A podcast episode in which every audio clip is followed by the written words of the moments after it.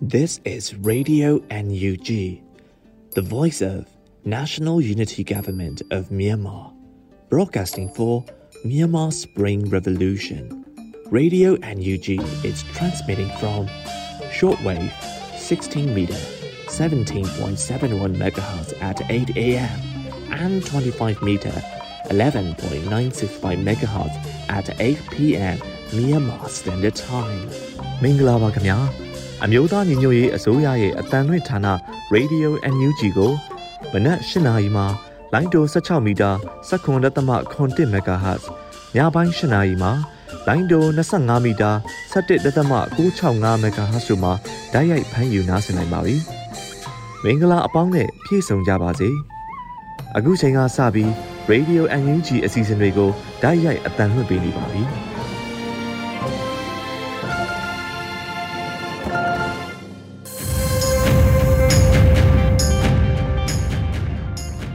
မြန်မာနိုင်ငံသူနိုင်ငံသားအပေါင်းတဘာဝဘေးစစ်အာဏာရှင်ဘေးတို့ကနေကင်းဝေးပြီးကိုယ်စိတ်နှပါအေဂျင့်လုံခြုံကြပါစေလို့ Radio NUG ဖွဲ့သူဖွဲ့သားများကနှုတ်ခွန်းဆက်တာအပ်ပါတယ်။ခုချိန်ကစပြီးကာကွယ်ရေးဝန်ကြီးဌာနရဲ့စီရေးသတင်းအကျဉ်းချုပ်ကိုຫນွေဦးမှုကဖတ်ကြားတင်ဆက်ပေးမှာဖြစ်ပါတယ်ရှင်။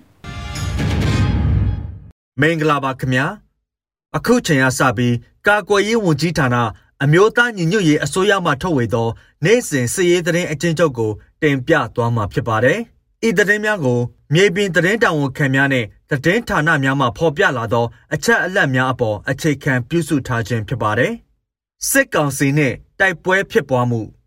ကရားပြည်နယ်ဒီဇင်ဘာ29ရက်နေ့မနက်3နာရီခန့်ကလွိုင်ကော်မြို့ဒေါ်ဥခုရက်ကွက်အကျဉ်းထောင်အနီးခရိုင်ရဲရုံးကို JPDF Rangers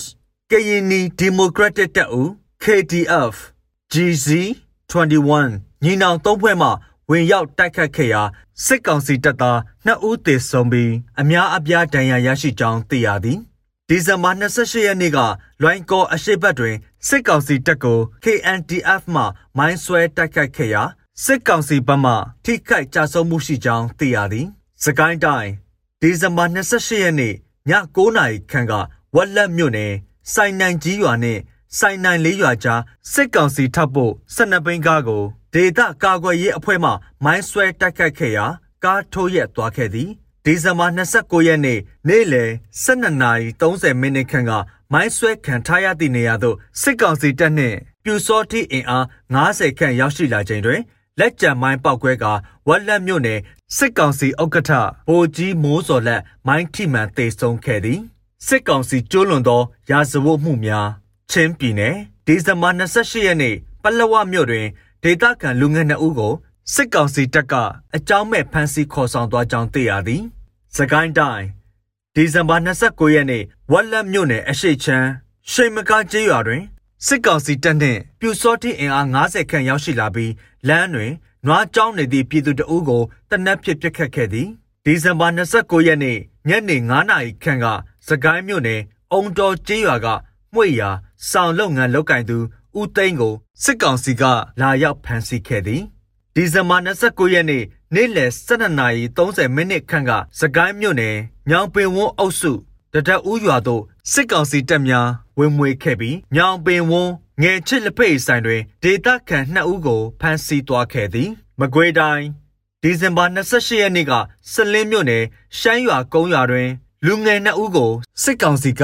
ဖမ်းဆီးခဲ့သည်ဒီဇင်ဘာ28ရက်နေ့ညနေ4:30မိနစ်ခန့်ကတောင်တွင်းကြီးမြို့နယ်ဝက်ကသေးရွာအနီးတွင်အိမ်စီကားတစ်စီးနှင့်ပြည်သူ၃ဦးကိုစစ်ကောင်စီကဖမ်းဆီးခဲ့သည်ဒီဇင်ဘာ29ရက်ညပိုင်းကစိတ်ဖြူမြို့နယ်ကုန်းရွာသို့စစ်ကောင်စီများဝင်ရောက်ခဲ့ပြီးရွာကန်၄ဦးကိုဖမ်းဆီးခဲ့သည်မန္တလေးတိုင်းဒီဇင်ဘာ28ရက်နေ့ကမလိုင်မြို့နယ် လွယ်တာအိုကျေးရွာမှာအမျိုးသားတဦးကိုအကြမ်းဖက်စစ်ကောင်စီများကလာရောက်ရှာဖွေရာမတွေ့သဖြင့်လူငယ်နှစ်ဦးကိုရိုက်နှက်ဖမ်းဆီးသွားခဲ့သည်ဆက်လက်ပြီးအထွေထွေသတင်းအနေနဲ့ဒီဇင်ဘာ29ရက်နေ့ကပခုတ်ကူမြို့မှာစစ်ကောင်စီခန့်အမှတ်9ရက်ကွက်အုပ်ချုပ်ရေးမှူးဦးမျိုးမြင့်ဆွေနှုတ်ထွက်စာတင်ခဲ့သည်ဟုတ်ကဲ့ပါအခုတင်ဆက်ခဲ့တာကတော့ကာကွယ်ရေးဝန်ကြီးဌာနအမျိုးသားညီညွတ်ရေးအစိုးရမှထုတ်ဝေသောနိုင်စဉ်စည်ရေးသတင်းအကျဉ်းချုပ်ဖြစ်ပါတယ် ကျွန်တော်ຫນွေဦးမိုးပါခင်ဗျာ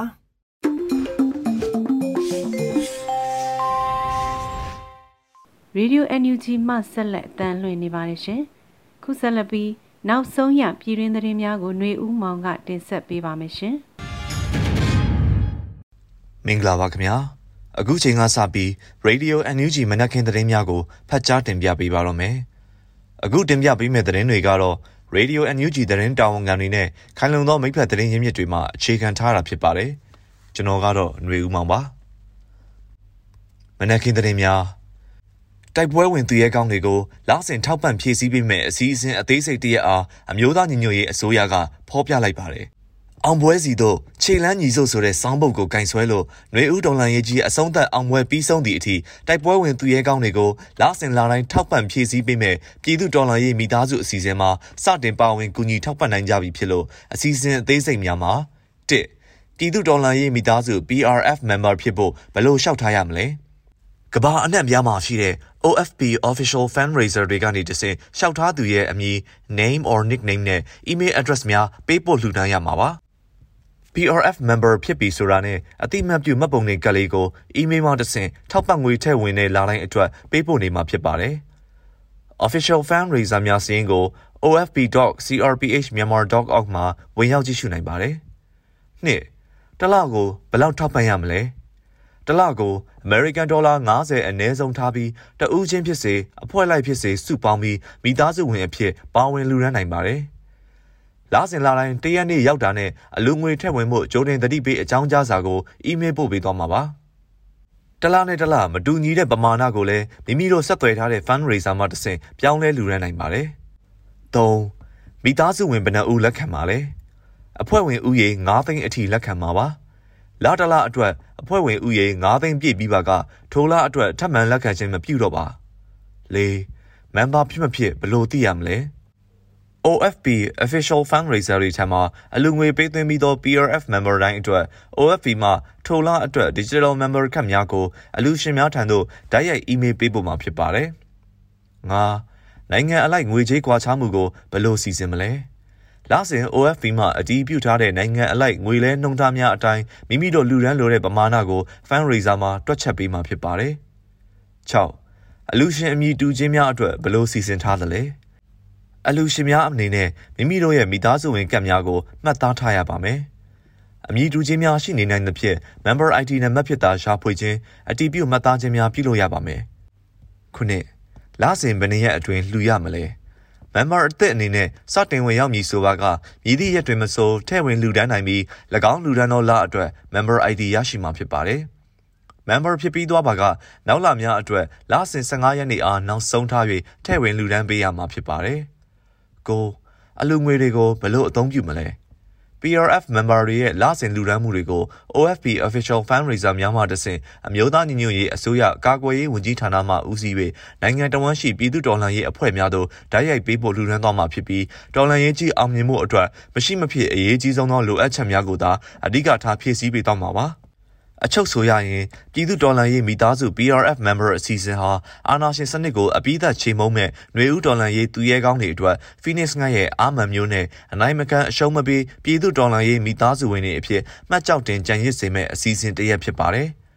ပြည်သူတော်လှန်ရေးသူရဲကောင်းလေးတွေရဲ့အိမ်အပြန်လန်းဖြောင့်ပြူးဖို့သူတို့လေးတွေရဲ့မိသားစုတွေနဲ့အမြန်ဆုံးပြန်လည်ဆုံစည်းခွင့်ရဖို့ မြန်မာပြည်သူတန်း90လုံးရဲ့တခုတည်းသောပန်းနိုင်ဖြစ်တဲ့ຫນွေဦးအောင်ပွဲတွေစီအမြန်ဆုံးရောက်ဖို့ကဘာအနှံ့ကပြည်သူတော်လှန်ရေးမိသားစုဝင်တွေအားလုံးလက်တွေမြဲမြဲတွဲလို့ခြေလန်းညီညီရှောက်လန်းနိုင်ကြစေရန်နှိုးဆော်လိုက်ရပါကြောင်းအမျိုးသားညီညွတ်ရေးအစိုးရရဲ့တော်လှန်ရေးအတွက်ထောက်ပံ့ရေးအစီအစဉ်တရက်ကိုတင်ပြလိုက်ရပါတယ်ခင်ဗျာဆက်လက်ပြီး ICC နဲ့အာဂျင်တီးနားတရားရုံးတို့မှအကြောင်းကြားဆင့်ခေါ်စာများကိုလက်မခံဖို့စစ်ကောင်စီအဖွဲ့ကလျှို့ဝှက်ညွှန်ကြားနေပါတယ် မြန်မာစစ်တပ်ကရိုဟင်ဂျာများကိုလူမျိုးတုံးတပ်ဖြတ်မှုအတွက်စစ်ကောင်စီအပေါ်ဆွဲဆိုချက်အားအာဂျင်တီးနားတရားရုံးမှအမှုကိုလက်ခံကြားနာနေပါပြီ။အာဂျင်တီးနားပြည်ထောင်စုတရားရုံးမှအမှုဆွဲတင်ထားတာဖြစ်ပြီးပြည်ထိုင်အခြေစိုက်မြန်မာရိုဟင်ဂျာများအဖွဲ့ BROUK ဥက္ကဋ္ဌဦးထွန်းခင်ဟာဒီဇင်ဘာလ16ရက်နေ့မှာစတင်ထွက်ဆိုခဲ့ပါတယ်။ အမှုဖွင့်လက်ခံနိုင်မှုအရေးမှာ Universal Jurisdiction နိုင်ငံတကာဥပဒေချိုးဖောက်မှုမှန်သမျှကမ္ဘာနေရာတိုင်းမှာစုံစမ်းစီရင်ပိုင်ခွင့်ဆိုတဲ့ဥပဒေအောက်မှာအာဂျင်တီးနားတရားစီရင်ရေးဌာနကနိုဝင်ဘာလမှာဆုံးဖြတ်ခဲ့တာပါ။ဒါအပြင်အာနာသိန်းချိန်မှစလို့မင်းအွန်လိုင်းဥဆောင်တဲ့စစ်ကောင်စီဖွဲ့များရဲ့အကြမ်းဖက်စစ်ရာဇဝတ်မှုတွေဟာ TFP တရက်ဆိုသလိုနိုင်ငံတကာစာမျက်နှာမှာထင်ရှားပေါ်လွင်လာခဲ့ပါတယ်။ နိုင်ငံတကာကလေးတငယ်ကာကွယ်စောင့်ရှောက်ရေး Save the Children အဖွဲ့ဝန်ထမ်း2ဦးအပါအဝင်အရက်သားပြည်သူ35ဦးထပ်မံကိုဖရူဆိုမြို့နယ်မှာစစ်ကောင်စီကအရှင်လက်လက်မီးရှို့တပ်ဖြတ်ခဲ့တဲ့ဖြစ်စဉ်ကိုလည်းစစ်ကောင်ဆောင်များအနေနဲ့တာဝန်ယူရဖို့ရှိနေပါတယ်။ဒီဇင်ဘာလ24ရက်နေ့ကတကဘာလုံးကိုတုံ့နှုတ်သွားစေခဲ့တဲ့အရက်သားများကိုတပ်ဖြတ်မှုဟာမီဒီယာစာမျက်နှာတွေပေါ်မှာထင်ထင်ရှားရှားပေါ်ထွက်ခဲ့ပြီးထိတ်လန့်တုံ့နှုတ်ဖွယ်ရာစစ်ရာဇဝတ်မှုအဖြစ်ဖော်ပြခဲ့ကြပါတယ်။ နိုင်ငံတကာမှာလည်းဒါကိုအမြန်ဆုံးတာဝန်ယူစစ်ဆေးအရေးယူပေးဖို့တောင်းဆိုတဲ့တွေအကြဲလောင်ဆုံးပေါ်ထွက်လာနေသလိုမြောက်ပိုင်းညီနောင်မဟာမိတ်သုံးဘွဲကလည်းလက်ခံနိုင်ပွဲမရှိတဲ့စစ်ကောင်စီတပ်များရဲ့လုပ်ရက်ကိုနိုင်ငံတကာကအရေးယူပေးဖို့ကြေညာချက်ထုတ်ခဲ့ပါတယ်။ဒီအချိန်မှာပဲဒီဇင်ဘာလ29ရက်စွဲဖြင့်ထုတ်ပြန်ထားတဲ့စစ်ကောင်စီရဲ့လျှို့ဝှက်ညွှန်ကြားစာတစောင်ဟာလူမှုကွန်ရက်စာမျက်နှာမှာတဆင့်ပေါက်ကြားပြန့်နှံ့လာပါတယ်။ ပြည်မှုဆိုင်ရာနိုင်ငံတကာခုံရုံးနဲ့အာဂျင်တီးနားနိုင်ငံဖက်ဒရယ်တရားရုံးမှပေးပို့လာတဲ့အကြောင်းကြားစာများအားလက်ခံခြင်းမပြုဖို့လျှို့ဝှက်တတိပေးထားတာပါ။ပြည်ထောင်စုတရားသူကြီးချုပ်ထွန်းထွန်းဦးလက်မှတ်ထိုးထားတဲ့အဆိုပါလျှို့ဝှက်ညွှန်ကြားစာမှာရေးသားထားတာကတော့နိုင်ငံတကာတရားရုံးမှပေးပို့လာသည့်စာဖြစ်စေပြည်ပသွားလာခွင့်ကန့်သတ်ခြင်းဆိုင်ရာဖမ်းဆီးမိတ်ဖြစ်စေဖန်ဝရန်သို့မဟုတ်လာရောက်ရန်တမန်စာဖြစ်စေပြည်ပမှဝင်ရောက်လေရှိသည့် DHL အပါအဝင်စာများကိုလက်ခံခြင်းမပြုရန်ရေးသားထားသည်ကိုတွေ့ရှိရပါသည်။ နိုင်ငံတော်စီမံအုပ်ချုပ်ရေးကောင်စီလို့အမည်ပေးထားတဲ့နဂါဆခေါ်အာနာသိန်းစစ်အုပ်စုအနေနဲ့နေစဉ်လိုလိုစစ်ရာဇဝတ်မှုတွေကျူးလွန်ခဲ့ကျူးလွန်ဆဲဖြစ်တာထင်ရှားလာနေပါတယ်။အရက်သားတွေကိုမီးရှို့တပ်ဖြတ်ခြင်းပြည်သူနေအိမ်များကိုပြောင်ပြောင်တင်းတင်းမီးရှို့ဖျက်ဆီးခြင်းအရက်သားပြည်သူတွေအပေါ်လေကြောင်းဘုံကျဲတိုက်ခိုက်မှုတွေကိုလည်းခက်ဆစ်ဆစ်ပြုနေသလိုတစ်ဖက်မှာလည်းနိုင်ငံတကာရဲ့အရေးယူမှုကိုခံရဖို့တပ်တွေအထောက်အထားများပုံမပြည့်စုံလာနေချိန်မှာပဲအခုလိုလျှို့ဝှက်ညွန်ကြားစာပေါက်လာတဲ့တဲ့တင်ပြန့်နှံ့နေခြင်းဖြစ်ပါတယ်။ ဆက်လက်ပြီးတင်ဆက်ပေးမယ့်သတင်းကတော့ကလေးမြို့နယ်နဲ့ချောင်းရွာမှာစစ်ကောင်စီတပ်ထားတဲ့ရွာသားအလောင်းများထပ်မံတွေ့ရှိခဲ့ကြပါတယ်။အာနာသိန်းစစ်တပ်ရဲ့လေကြောင်းတိုက်ခိုက်မှုအပြင်မြေပြင်မှာလည်းရွာသူရွာသားများတပ်ဖြတ်ခံနေရတဲ့စကိုင်းတိုင်းကလေးမြို့နယ်နဲ့ချောင်းကျေးရွာမှာလူသေးရုပ်အလောင်းများထပ်မံတွေ့ရှိခဲ့ရပါတယ်။ လွန်ခဲ့တဲ့ဒီဇင်ဘာလ22ရက်နေ့မှာအကြမ်းဖက်စစ်တပ်ဟာနတ်ချောင်းရွာကိုပြစ်မှတ်ထားပြီးစစ်ရဟတ်ရင်များဖြင့်ရွာသားတွေကိုပြစ်ခတ်ခြင်း PDF များကိုနှိမ်နင်းခြင်းတို့ကြောင့်ဒီဇင်ဘာလ23ရက်နေ့အထိတော့အရက်သား10ဦးထပ်မံတေဆုံးပြီးဂဝင်ဆောင်အမျိုးသမီးများအပါအဝင်အသက်မပြည့်သေးတဲ့ကလေးတွေကိုလည်းဖမ်းဆီးခံခဲ့ရပါတယ်။ထိုစဉ်ကလေးကနတ်ချောင်းရွာမှာနေရာစုံပြန့်ကျဲတိတ်ဆုံးနေတဲ့ရွာသားတွေကိုကယ်ဆယ်ရေးအဖွဲ့ဝင်တွေကရုပ်အလောင်းများကိုနေရာစုံသိမ်းဆည်းခြင်းမပြုနိုင်ခဲ့ကြပါဘူး။ စစ်ကောင်စီဘက်ကတော့ PDF တပ်ဖွဲ့များကိုအကြမ်းဖက်အဖွဲ့အစည်းအဖြစ်အမည်တက်ဝါဒဖြန့်က၎င်းတို့ရဲ့ဒီဇင်ဘာလ23ရက်နေ့စစ်ရာဇဝတ်မှုဖြစ်စဉ်အတွင်းရုပ်အလောင်း6လောင်းနဲ့လက်နက်အချို့ကိုဖမ်းမိရလို့သတင်းထုတ်ပြန်ခဲ့မှုပါတယ်။မနေ့တနေ့ကမှအသက်ခံရတဲ့အလောင်းတွေအခုမှသိတာမျိုးပေါ့။တချို့ဆိုလမ်းဘေးမှာစိုက်ကယ်နဲ့လဲပြီးတည်နေတာဒီရုပ်အလောင်းကကျွန်တော်တို့သိတဲ့ဦးလေးကြီးတယောက်ပါ။သူ့ရဲ့မိသားစုကဘုန်းကြီးเจ้าမှာစစ်ပေးရှောင်နေရလို့ပြောတယ်။ဘုန်းကြီးเจ้าကနေအိမ်မှာလိုအပ်တဲ့ပစ္စည်းသွားယူတာမှာပြစ်သက်ခံရတယ်။ ဘုန်းကြီးเจ้าမှာကြံခဲ့တဲ့မိသားစုကเจ้าကိုပြန်မအိပ်ဘူးအိမ်မှာပဲအိပ်တာလားစိတ်ပူနေကြတာဒီနေ့ကျမှလမ်းမှာစိုက်ကယ်ရောလူရောလဲပြီးတိန်နေတာတွေ့တယ်ဟုနတ်ချောင်းရွာသားတဦးကပြောပါတယ်ယနေ့အထိအလောင်းမကောက်နိုင်သေးတဲ့ရွာသားအလောင်းများရှိနေနိုင်သေးတယ်လို့ရွာသားများကယုံကြည်နေကြပါတယ်ထပ်မံတက်ဖြတ်ခံရတယ်ဆိုတာဒီနေ့မှတက်သွားတာလားအရင်နေ့ကလေးကတက်သွားတာလားတော့မသိဘူးပေါ့နော် သူတို့တွေကလမ်းပေါ်မှာမြင်သမျှလူအကုန်ပြစ်တာဆိုတော့တချို့ကြတော့စစ်ပေးရှောင်ရင်းနဲ့လိုအပ်တဲ့ပစ္စည်းလေးတွေတွားယူတာမျိုးမှာပြစ်သက်ခံရတာဟုနတ်ချောင်းရွာသားကပြောပါတယ်။ဒီဇင်ဘာလ22ရက်နဲ့23ရက်အတွင်းစစ်ရဟတ်ရင်များနဲ့ပြစ်ခတ်တပ်ဖြတ်မှုကြောင့်ရွာသူရွာသားများအလောင်း17လောင်းဆိုတာကဖြစ်စဉ်စဖြစ်ဖြစ်ချင်းမှာအတည်ပြုထားတာသာဖြစ်ကြောင်း17လောင်းမကပဲဒီနေ့မတိုင်ခင်ထိလည်းအလောင်းတွေထပ်မံတွေ့ရှိလာရကြောင်းဒီနေ့မှာထပ်တွေ့တာတွေရောဆိုရင်အလုံးပေါင်း20ကျော်လောက်ရှိနိုင်တဲ့အကြောင်းရွာသားများကအတည်ပြုပြောဆိုပါတယ်။ အကြမ်းဖက်အာဏာသိမ်းတပ်များသည်စကိုင်းတိုင်းကလေးမြို့နယ်နှက်ချောင်းရွာရှိနေအိမ်များကိုလည်းမီးရှို့မှုများအကြိမ်ကြိမ်ပြုလုပ်ခဲ့ရာနေအိမ်20ကျော်မီးလောင်ပျက်စီးခဲ့ရတယ်လို့လည်းသိရပါတယ်။စစ်ကောင်စီတပ်ဖွဲ့များထွက်ခွာသွားပြီးတရင်ထွက်ပေါ်နေသည့်တိုင်တပ်ဖြတ်မှုများကြောင့်ရွာသားများရွာမပြန်ရဲပဲစစ်ဆောင်ဘွားနဲ့ပြေးလွှားပုံအောင်နေစေဖြစ်ပါတယ်ခင်ဗျာ။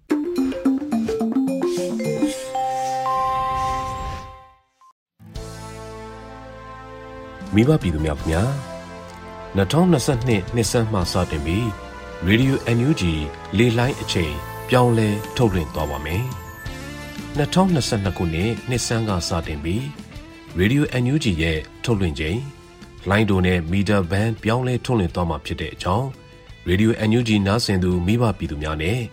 ຫນွေဦးတော်လိုင်းရဲဘော်များအားအတိပေးတင်ပြအပ်ပါတယ်။မနက်ပိုင်းထုတ်လွှင့်ချိန်များကိုမနက်၈နာရီမှ၈နာရီခွဲအချိန်သို့၎င်း ညပိုင်းထုတ်လွှင့်ခြင်းများကိုည8နာရီမှ8နာရီခွဲအချိန်သို့၎င်းပြောင်းလဲပြီး meter band ပြောင်းလဲမှုအနေနဲ့မနက်ပိုင်းမှာ16မီတာ19.9 MHz ညနေပိုင်းမှာ25မီတာ17.83 MHz တို့ပြောင်းလဲထုတ်လွှင့်ပေးသွားမှာဖြစ်ပါတယ်။မနက်၈နာရီ30မိနစ်မှာ16မီတာ19.9 MHz ည8နာရီ30မိနစ်မှာ 25မီတာ17.83 MHz မှာဖမ်းယူရရှိနိုင်မှာဖြစ်ပါတယ်။မိဘပြည်သူများအနေနဲ့မိမိတို့ရေဒီယိုများမှာအချိန်နဲ့လှိုင်းတူနံပါတ်များပြောင်းလဲဖမ်းယူပြီးဖမ်းယူနားဆင်မှုအခြေအနေများကို Radio NUG ရဲ့လူမှုကွန်ရက်စာမျက်နှာတွေမှာပြန်လည်သတင်းပေးပို့ကြစီလိုပါတယ်ခင်ဗျာ Radio NUG နားဆင်သူမိဘပြည်သူများနဲ့ຫນွေဦးတော်လှန်ရေးရဲဘော်များအားလုံးတဘာဝဘေး စစ်အာဏာရှင်ဘေးတို့ကနေကင်းဝေးပြီးကိုယ်စိတ်နှပါဘေးကင်းလုံခြုံကြပါစေလို့ Radio NUG ဖွဲ့သားတွေကဆုတောင်းမေတ္တာပို့သလိုက်ရပါတယ်ခင်ဗျာ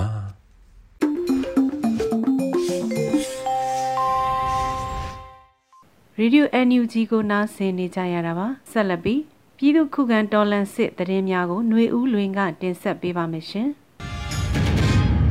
ပထမဆုံးအနေနဲ့ လိုက်ကောအကျဉ်းတော်နီးရှိခရိုင်ရဲယုံကိုကင်းဒီ၃ဘွဲ့ဝင်ရောက်ပစ်ခတ်လို့စစ်ကောင်စီတပ်သား2ဦးသေဆုံးပြီးဒဏ်ရာရသူများတဲ့တရင်ကိုတင်ဆက်မှာပါကရင်ပြည်နယ်လိုက်ကောမြို့ဒေါအုပ်ခူရာရက်ကွက်အကျဉ်းတော်နီးရှိခရိုင်ရဲယုံကိုဒီဇင်ဘာလ29ရက်နေ့ယနေ့မနက်3နာရီမှစတင်ပြီး JPDF Ranger KNI Democratic တပ်ဦး KDF Jesus 21ညီနောင်သုံးဘွဲ့ကဝင်ရောက်ပစ်ခတ်တိုက်ခတ်ခဲ့ပြီးအကြမ်းဖက်စစ်သား2ဦးသေဆုံးကအများအပြားဒဏ်ရာရကြောင်း JPDF ကသတင်းထုတ်ပြန်ပါတယ်။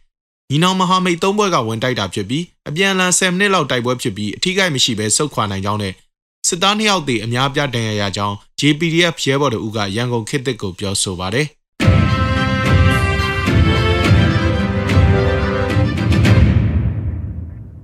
ဆလဘီကလေးကန်ကောလမ်းပိုင်းမှာ၃ရက်အတွင်း PDF ကန်ကောအဖွဲ့ကမိုင်းဆွဲတိုက်ခိုက်လို့စစ်ကောင်စီတပ်ဖွဲ့ဝင်20ဦးသေဆုံးတဲ့တဲ့ရင်ကိုတင်ဆက်မှာပါ။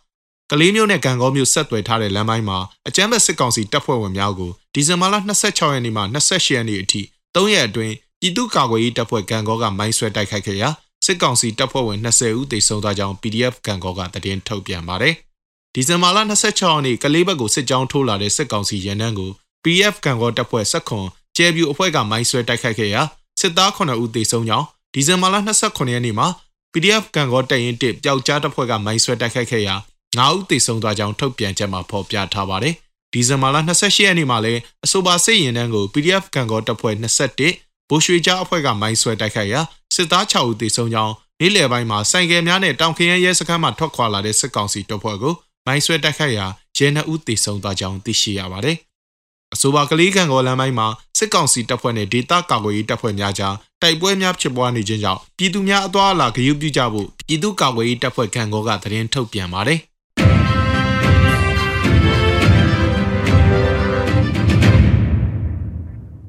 နောက်ဆုံးအနေနဲ့အမျိုးသားညီညွတ်ရေးအစိုးရပြည်ထရေးနဲ့လူဝင်မှုကြီးကြပ်ရေးဝန်ကြီးဌာနကဒီဇင်ဘာ29ရက်ရက်စွဲနဲ့ထုတ်ပြန်တဲ့ပြည်သူ့ခုခံတော်လှန်စစ်တရင်အချက်လက်တွေကိုတင်ဆက်ပေးသွားမှာပါ။အာဏာသိမ်းအကြမ်းဖက်စစ်အုပ်စုရဲ့ပြည်သူလူထုအပေါ်အကြမ်းဖက်ဖိနှိပ်ဖန်ဆီးတိုက်ခိုက်တပ်ဖြတ်နေမှုများကိုပြည်သူလူထုတရက်လုံးကအသက်ရှင်တန်ရေးအတွက်မိမိကိုယ်ကိုမိမိခုခံကာကွယ်ပိုင်ခွင့်အရာပြည်သူခုခံစစ် People's Defenses War ကိုဆင်နွှဲလျက်ရှိပါတယ်။တရင်အချက်လက်များအရ28ရက်12လ2021ရက်နေ့မှာစစ်ကောင်စီတပ်ဖွဲ့ဝင်53ဦးသေဆုံးပြီး ထိခိုက်ဒဏ်ရာရရှိသူ9ဦးအထိခုခံတိုက်ခိုက်နိုင်ခဲ့ပါတယ်။စစ်အာဏာရှင်စနစ်မြန်မာပြည်ပေါ်ကအပိတိုင်ချုပ်ငြိရေးနဲ့ဖက်ဒရယ်ဒီမိုကရေစီတည်ဆောက်ရေးအတွက်ငြိမ်းချမ်းစွာဆန္ဒပြတဲ့လူလူတပိတ်တိုက်ပွဲများကပြည်내နဲ့တိုင်းဒေသကြီးများမှာဖြစ်ပွားပေါ်ပေါက်လျက်ရှိပါတယ်။မြေပြင်မှာယခုတွေ့ရတဲ့သတင်းအချက်အလက်များထက်ပို၍ဖြစ်ပွားနိုင်ပါတယ်ခင်ဗျာ။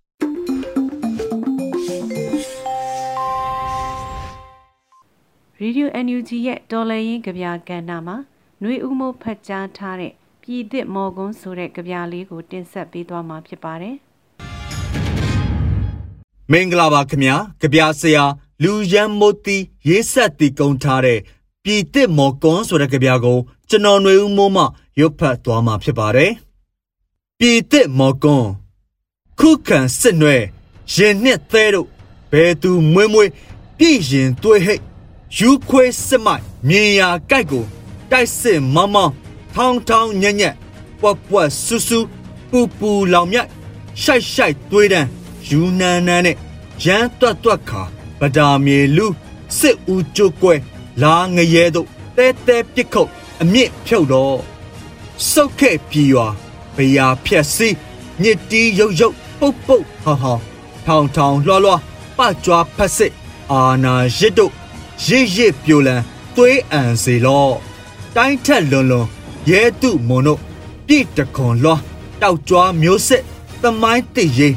ရဲရဲဆွေးနီထောင်ပြေရွာတဲ့နောင်ကောင်းရစ်ဖို့ချစ်တိအမေဝေးရမြေလဲတေးထက်ညီညာတာစေလော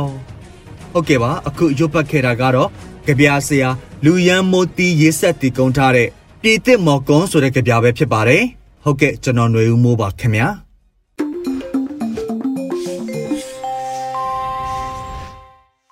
ဒီကနေ့မနေ့ရဲ့ Radio NUG အစီအစဉ်တွေမှာနေ့စဉ်သတင်းများကိုမျိုးတော်တာကဖတ်ကြားတင်ဆက်ပေးတာကိုနားဆင်ကြရပါမယ်ရှင်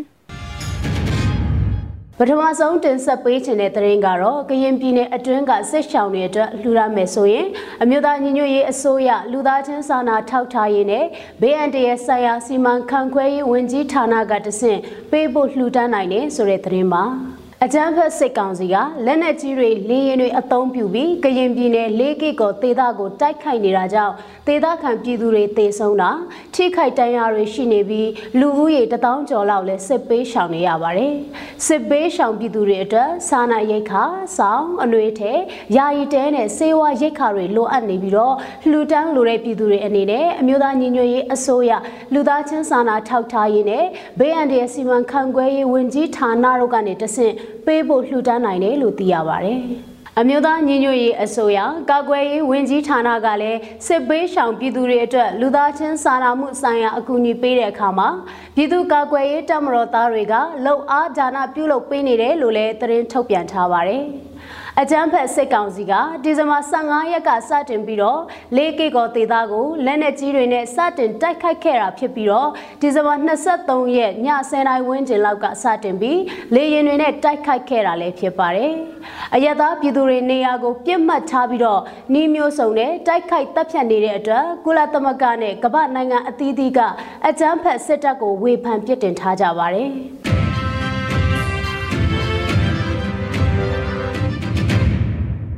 အမျိုးသားညီညွတ်ရေးအစိုးရရဲ့ငွေတိုက်စာချုပ်တွေကို USDT Stable Coin နဲ့ဝယ်ယူနိုင်ပြီဆိုတဲ့သတင်းကိုတင်ဆက်ပေးချင်ပါတယ်။အမျိုးသားညီညွတ်ရေးအစိုးရစီမံကိန်းနဲ့ဗဏ္ဍာရေးယင်းနှိမြုံနှံမှုဝင်ကြီးဌာနရဲ့စီမံမှုနဲ့လှုပ်ဆောင်နေတဲ့ငွေတိုက်စာချုပ်တွေကို USDT Stable Coin နဲ့ဝယ်ယူနိုင်ပြီလို့သတင်းထုတ်ပြန်ထားပါတယ်။ သတင်းထုတ်ပြန်ချက်မှာတော့ငွေတိုက်စာချုပ်တွေကို USDT Stable Coin နဲ့ဝယ်ယူနိုင်ပြီဖြစ်တယ်လို့နိုင်ငံတကာရဲ့ငွေတိုက်စာချုပ်ကိုယ်စားလှယ်ကနေတဆင့်လဲငွေပေးချေပြီးဝယ်ယူနိုင်တယ်လို့ဖော်ပြထားပါတယ်။အမျိုးသားညီညွတ်ရေးအစိုးရရဲ့ဗန်စရင်ကိုကိုတိုင်တိုက်ရိုက်ငွေလွှဲနဲ့ဝယ်ယူခြင်းအတွက်လည်းမကြခင်မှာပြန်လဲဆောင်ရွက်နိုင်တော့မှာဖြစ်ပြီးတော့အဲ့ဒီလိုဝယ်ယူနိုင်မဲ့ရက်ကိုလည်းထပ်မံအသိပေးကြေညာသွားမယ်လို့သိရပါတယ်။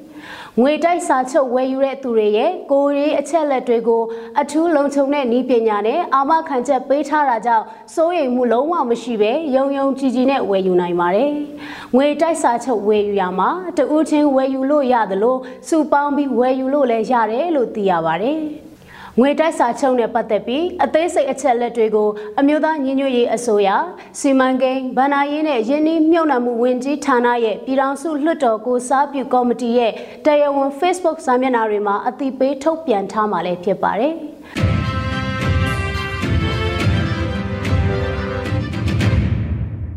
အခုဆက်လက်တင်ဆက်ပေးချင်တာကတော့မြန်မာပြည်သူတွေကိုရက်ဆက်ကြမ်းကြုတ်စွာတပ်ဖြတ်နေတဲ့အကြမ်းဖက်စစ်တပ်အနေနဲ့တေချာပေါက်ပြစ်ဒဏ်ခံရမယ်လို့အမေရိကန်နိုင်ငံခြားရေးဝန်ကြီးပြောလိုက်တဲ့သတင်းမှာ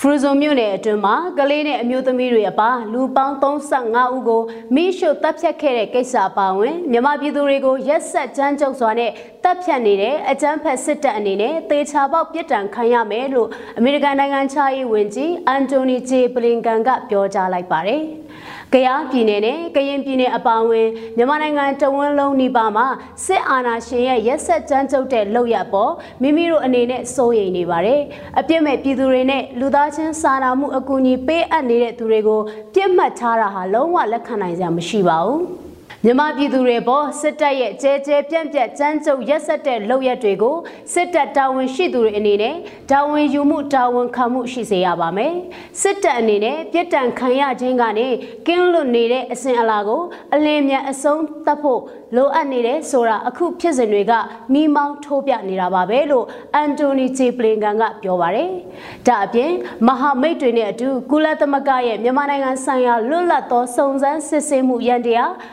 IIMM ကိုပံ့ပိုးကူညီတာတွေလုပ်မဲ့အပြင်တာဝန်ယူမှုတာဝန်ခံမှုရှိစေရေးကိုပါတိုးမြှင့်လှုပ်ဆောင်သွားမယ်လို့ဆိုပါတယ်။ အမေရိကန်ပြည်ထောင်စုအနေနဲ့ကတော့အကြမ်းဖက်စစ်တပ်ကအာဏာသိမ်းခဲ့တဲ့ဖေဖော်ဝါရီ၁ရက်ကစတင်ပြီးအကြမ်းဖက်စစ်တပ်နဲ့စစ်တပ်ရဲ့ခေါင်းဆောင်ပိုင်းတွေရဲ့ဗန်နာရေးအကျိုးစီးပွားတွေကိုပြစ်မှတ်ထားအရေးယူပိတ်ဆို့မှုတွေလုပ်ခဲ့ပြီးနိုင်ငံတကာဗန်နာရေးစနစ်အတွင်းအကြမ်းဖက်စစ်တပ်ကသူတွေဝင်ရောက်နိုင်မှုဟန်တာရေးကိုပါလှုပ်ဆောင်ခဲ့တယ်လို့အမေရိကန်နိုင်ငံခြားရေးဝန်ကြီးဌာနရဲ့သတင်းထုတ်ပြန်ချက်မှာတွေ့ရပါတယ်။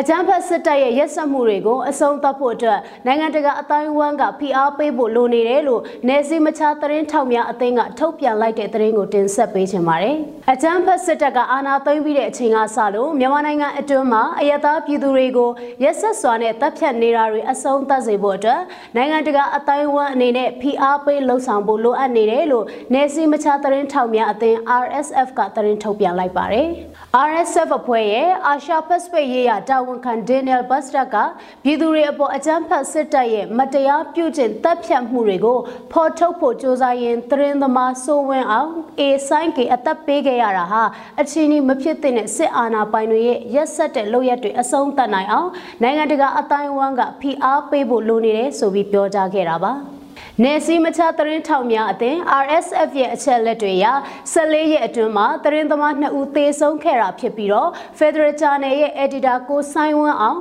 A ဆိုင်ကေကတိုက်ပွဲအတွင်းမှာသတင်းရယူရင်သေဆုံးခဲ့ရသလိုအလွတ်တန်းတပ်ပုံသတင်းထောက်ကိုစိုးနိုင်ကိုလည်းရန်ကုန်မှာအကြမ်းဖက်စစ်တပ်ကဖမ်းဆီးသွားပြီးနောက်မှာသေဆုံးခဲ့ရတာလည်းဖြစ်ပါတယ်။ အကြမ်းဖက်စစ်တပ်ကအာဏာသိမ်းပြီးနောက်မှာသတင်းသမားတွေကိုဖမ်းဆီးခဲ့ပြီးတော့လက်ရှိအချိန်မှာအထိန်သိမ်းခံထားရတဲ့သတင်းထောက်41ယောက်အထိရှိထားတယ်လို့လည်းစည်ရင်းတွေအရသိရပါဗျ။